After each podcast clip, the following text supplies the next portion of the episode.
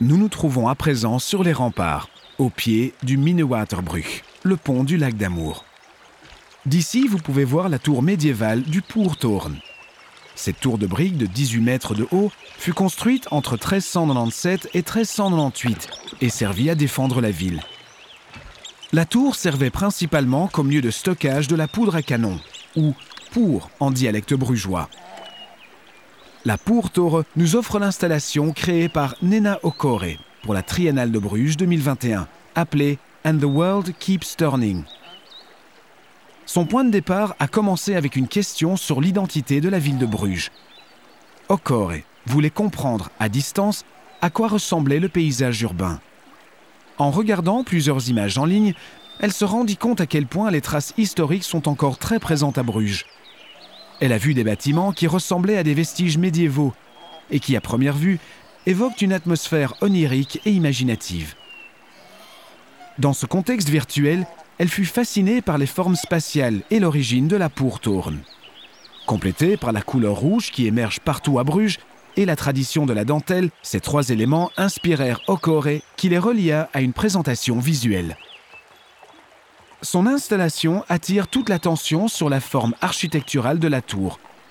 Et Nena Okore entoure l'architecture d'une sorte de collage rougeoyant.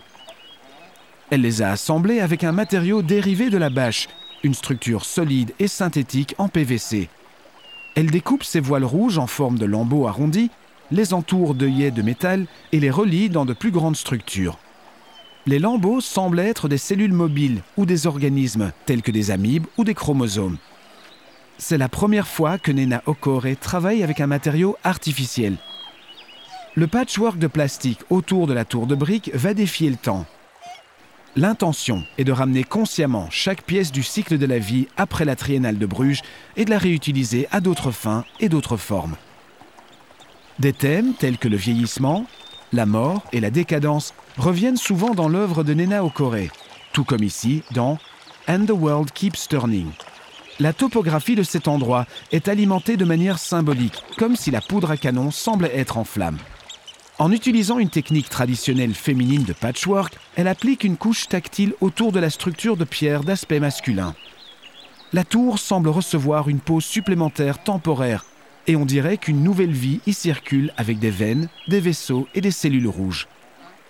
La carrière artistique de Nena Okore est fortement influencée par ses origines et son parcours de vie. Elle a grandi au Nigeria. Elle vivait sur le campus universitaire, mais a appris à découvrir la vie locale sur les marchés et dans la campagne. L'art d'Okore est fortement influencé par les caractéristiques visuelles de ce monde. Maisons pourries avec toiture en zinc, piles de bois de chauffage, murs cassés, vêtements en lambeaux et tissus bruts. Elle a absorbé les images de sa jeunesse et les a transformées dans son œuvre en installations abstraites. Elle utilise des matériaux courants, des tissus et des textures brutes, ainsi que des matériaux écologiques tels que l'argile, la corde, le textile, les bâtonnets et le papier. Elle utilise le tissage, le chariotage, la couture et teint les tissus de manière répétitive pour arriver à un ensemble naturel et organique. Elle travaille sur des concepts tels que le recyclage et l'upcycling, la transformation et la régénération des formes. Son travail aboutit sur des installations et des sculptures colorées et dramatiques.